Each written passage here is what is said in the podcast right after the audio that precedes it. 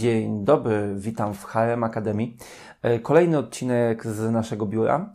Temat na dzisiaj wydaje mi się bardzo istotny, ponieważ dostałem e, na ten temat już kilka pytań, zarówno podczas szkoleń, które prowadziliśmy e, ze wskaźników HR, jak i ze szkoleń analitycznych. I nawet ten temat pojawił się na naszym ostatnim webinarze, webinarze, który właśnie dotyczył wykorzystania danych w HR-ze. Pytanie, które, na które chcę dzisiaj odpowiedzieć, to jest pytanie o to, czy małe firmy również potrzebują wskaźników HR, no a potem analityki na tych danych, które uda im się zebrać.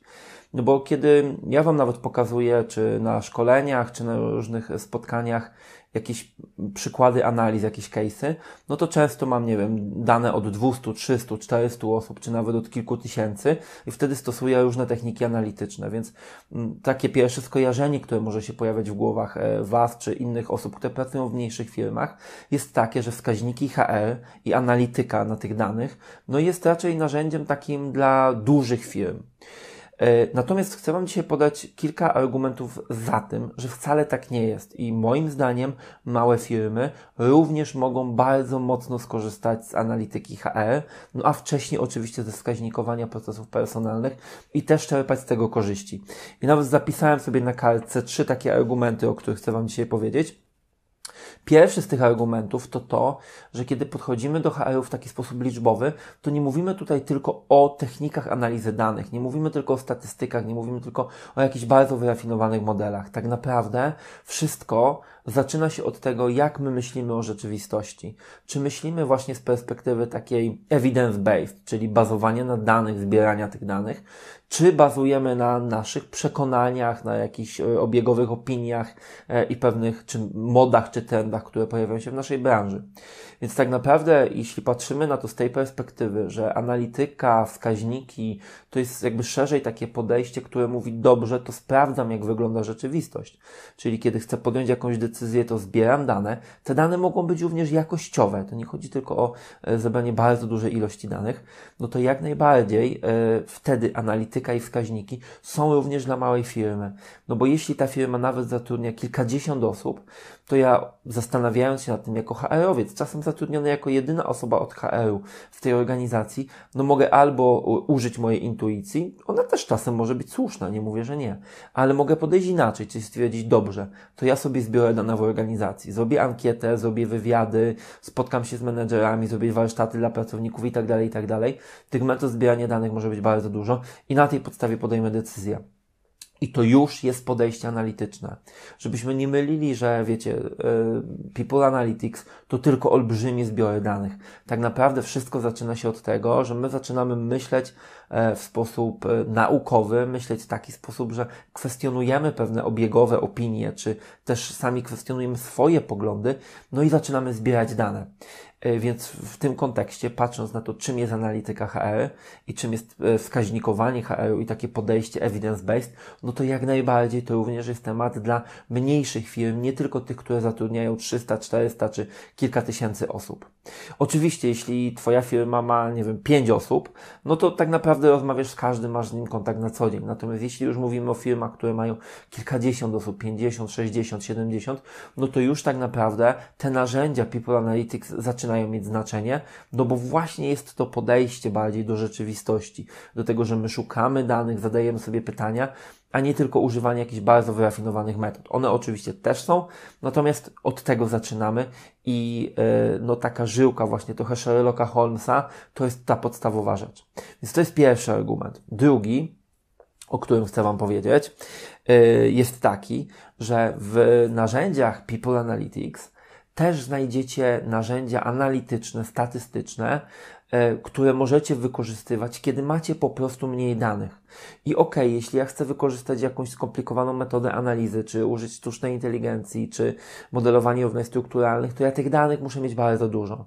Ale jeśli chcę zrobić prostą korelację, jeśli chcę zrobić jakąś analizę nawet ja, ilościową danych jakościowych, jeśli chcę zrobić porównanie pomiędzy dwiema grupami, jeśli chcę prześledzić jakiś trend, to ja wcale nie muszę mieć tak bardzo dużo danych.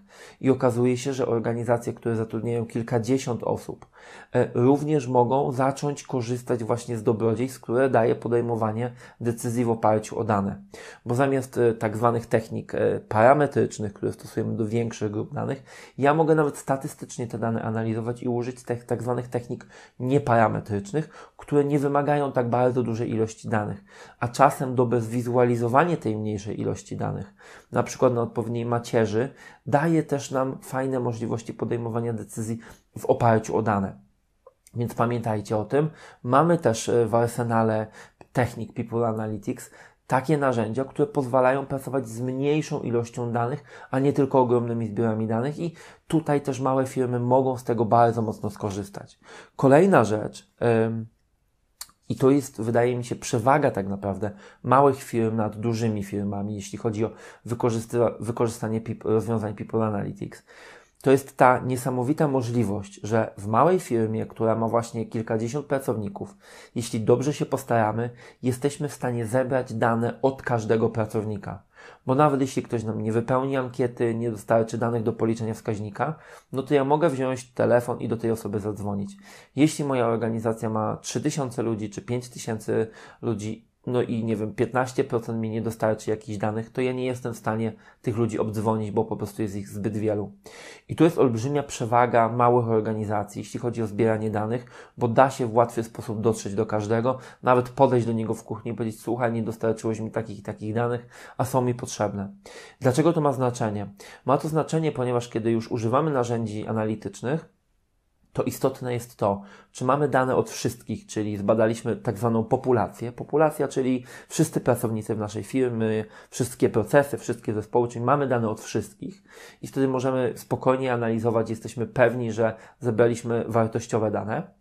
E, no, a druga opcja to jest taka, że analizujemy próbę, czyli mamy dane od części osób i na podstawie tej, tego fragmentu danych, które w ogóle da się zebrać, e, no, dokonujemy tak zwanego wnioskowania statystycznego, czyli uogólniamy wnioski na wszystkich, których mamy w organizacji, czy no, taki chyba najlepszy przykład z życia codziennego to są sondaże wyborcze, tak? Czyli e, sondażownie nie są w stanie zbadać na przykład przy wyborach prezydenckich e, wszystkich 38 e, milionów Polaków, losują ludzi, których będą badać i na tej podstawie uogólniają te wyniki. No i to uogólnianie jest stosunkowo takim procesem niebezpiecznym, no bo czasem wiecie, że raz prowadzi kandydat z wąsem, a raz wygrywa kandydat bez wąsa albo odwrotnie. jak to mieliśmy kilka lat temu w wyborach prezydenckich, więc to jest stosunkowo e, taki proces no, obciążony różnymi ryzykami.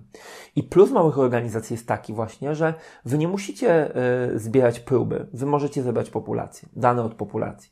No bo po prostu macie najczęściej dostęp do wszystkich ludzi, którzy pracują w organizacji, możecie do nich pójść, zadzwonić, wysłać maila i nie jest to proces jakoś bardzo energo i czasochłonny. Y, w związku z tym tutaj tak naprawdę małe organizacje mają zdecydowanie przewagę, no bo są w stanie mieć dane rzeczywiście zebrane kompleksowo od wszystkich pracowników. Więc zobaczcie, trzy takie, wydaje mi się, bardzo ważne argumenty. Po pierwsze, E, no to mamy kwestię pewnego mindsetu i tego, że w ogóle podchodzimy w taki sposób evidence-based, czyli w oparciu o dane do rzeczywistości i tu nie ma znaczenia, czy macie małą czy dużą firmę. Druga kwestia jest taka, że są rzeczywiście techniki analityczne, e, które służą do analizy mniejszej ilości danych, kiedy tych danych po prostu jest mniej.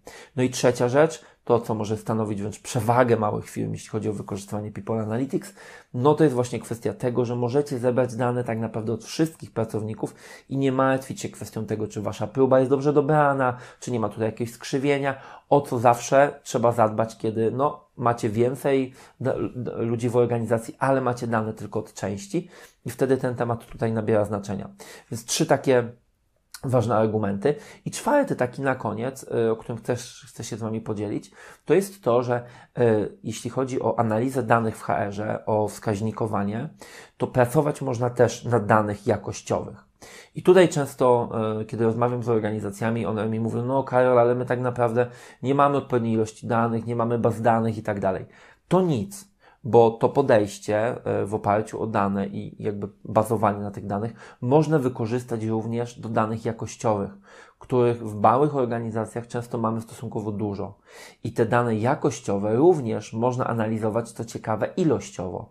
Czyli ja mogę przeprowadzić warsztaty z pracownikami, mogę przeprowadzić wywiady z menadżerami, zebrać od nich odpowiedzi, które potem zanalizuję ilościowo.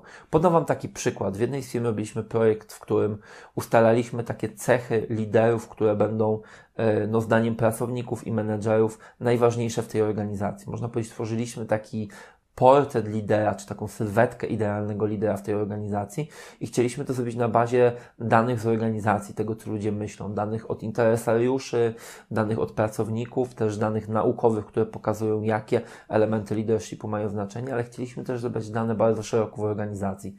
I nie poszliśmy w badania ilościowe, ankietowe. Przeciwnie, prowadziliśmy zogniskowane wywiady grupowe z pracownikami i z menedżerami, gdzie oni na końcu każdego wywiadu e, punktowali e, swoje wypowiedzi, które ich zdaniem są najważniejsze, czyli tworzyli taką listę idealnych cech lidera, potem przyznawali im punkty i de facto te dane jakościowe potem, biorąc pod uwagę ile punktów dostały od poszczególnych pracowników, analizowaliśmy ilościowo. I tak naprawdę zobaczcie, że to była bardzo ciekawa kwestia, bo z jednej strony mogliśmy być blisko tych ludzi, rozmawiać z nimi, yy, dyskutować, pogłębiać różne tematy, więc jakby zyskaliśmy tą przewagę, którą dają badania jakościowe i w ogóle rozmowa z ludźmi, no a z drugiej strony analizowaliśmy je ilościowe, ilościowo i mieliśmy taką yy, no, pewność, że podejmujemy dobrą decyzję, że cała społeczność firmy była udział w tych konsultacjach, potem rzeczywiście poprzyznawali punkty tym wypowiedziom czy tym e, propozycjom, które się pojawiały w tych jakościowych rozmowach. No i byliśmy pewni, że rzeczywiście większość myśli w ten sposób i że wybieramy dobre rzeczy. Więc zobaczcie, że bazując na danych jakościowych, których często no, w takich organizacjach mniejszych będziemy mieli więcej, bo po prostu zbieramy je w sposób mniej systematyczny, też możemy pracować analitycznie. Więc zobaczcie, że odpowiadając finalnie na to pytanie, czy analityka HR, czy wskaźniki HR są również dla małych organizacji, tak, zdecydowanie. I pamiętajcie, że te organizacje, które dzisiaj zatrudniają kilkadziesiąt osób, za rok, dwa, trzy mogą zatrudniać kilkaset osób, tak? Wasz biznes może rosnąć.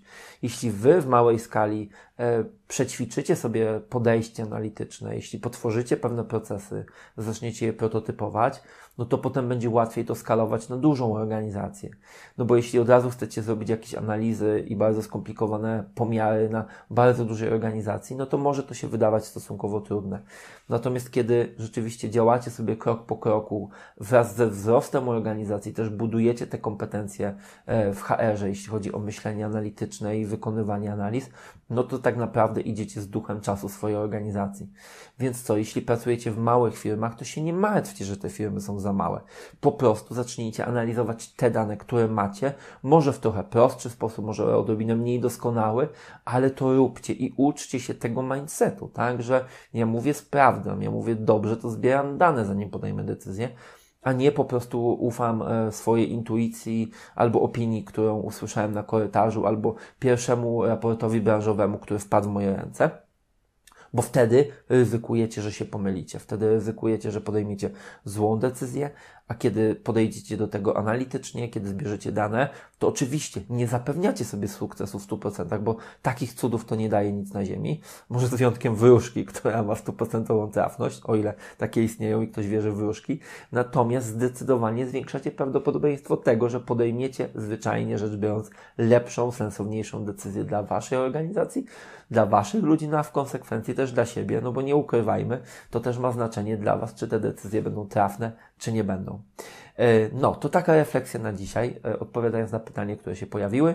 E, właśnie o to, czy analityka HR, wskaźniki HR są dla małych, czy tylko dla dużych. Są i dla tych, i dla tych, a mali też mogą mieć, tak jak Wam wspominałem, w pewnym zakresie wręcz przewagę nad tymi wielkimi. Więc co? Zachęcam, bierzcie Excel w swoje ręce, bierzcie dane, które macie, kombinujcie, a jak potrzebujecie pomocy, to wpadnijcie na naszą stronę internetową, napiszcie do mnie, weźcie udział w naszym kursie techniki analizy danych HR albo innych szkoleniach dotyczących na przykład wskaźnikowania, e, też w mniejszych organizacjach.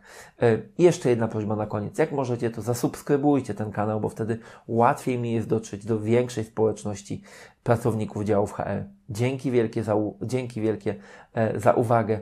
Do zobaczenia w kolejnych odcinkach. Cześć!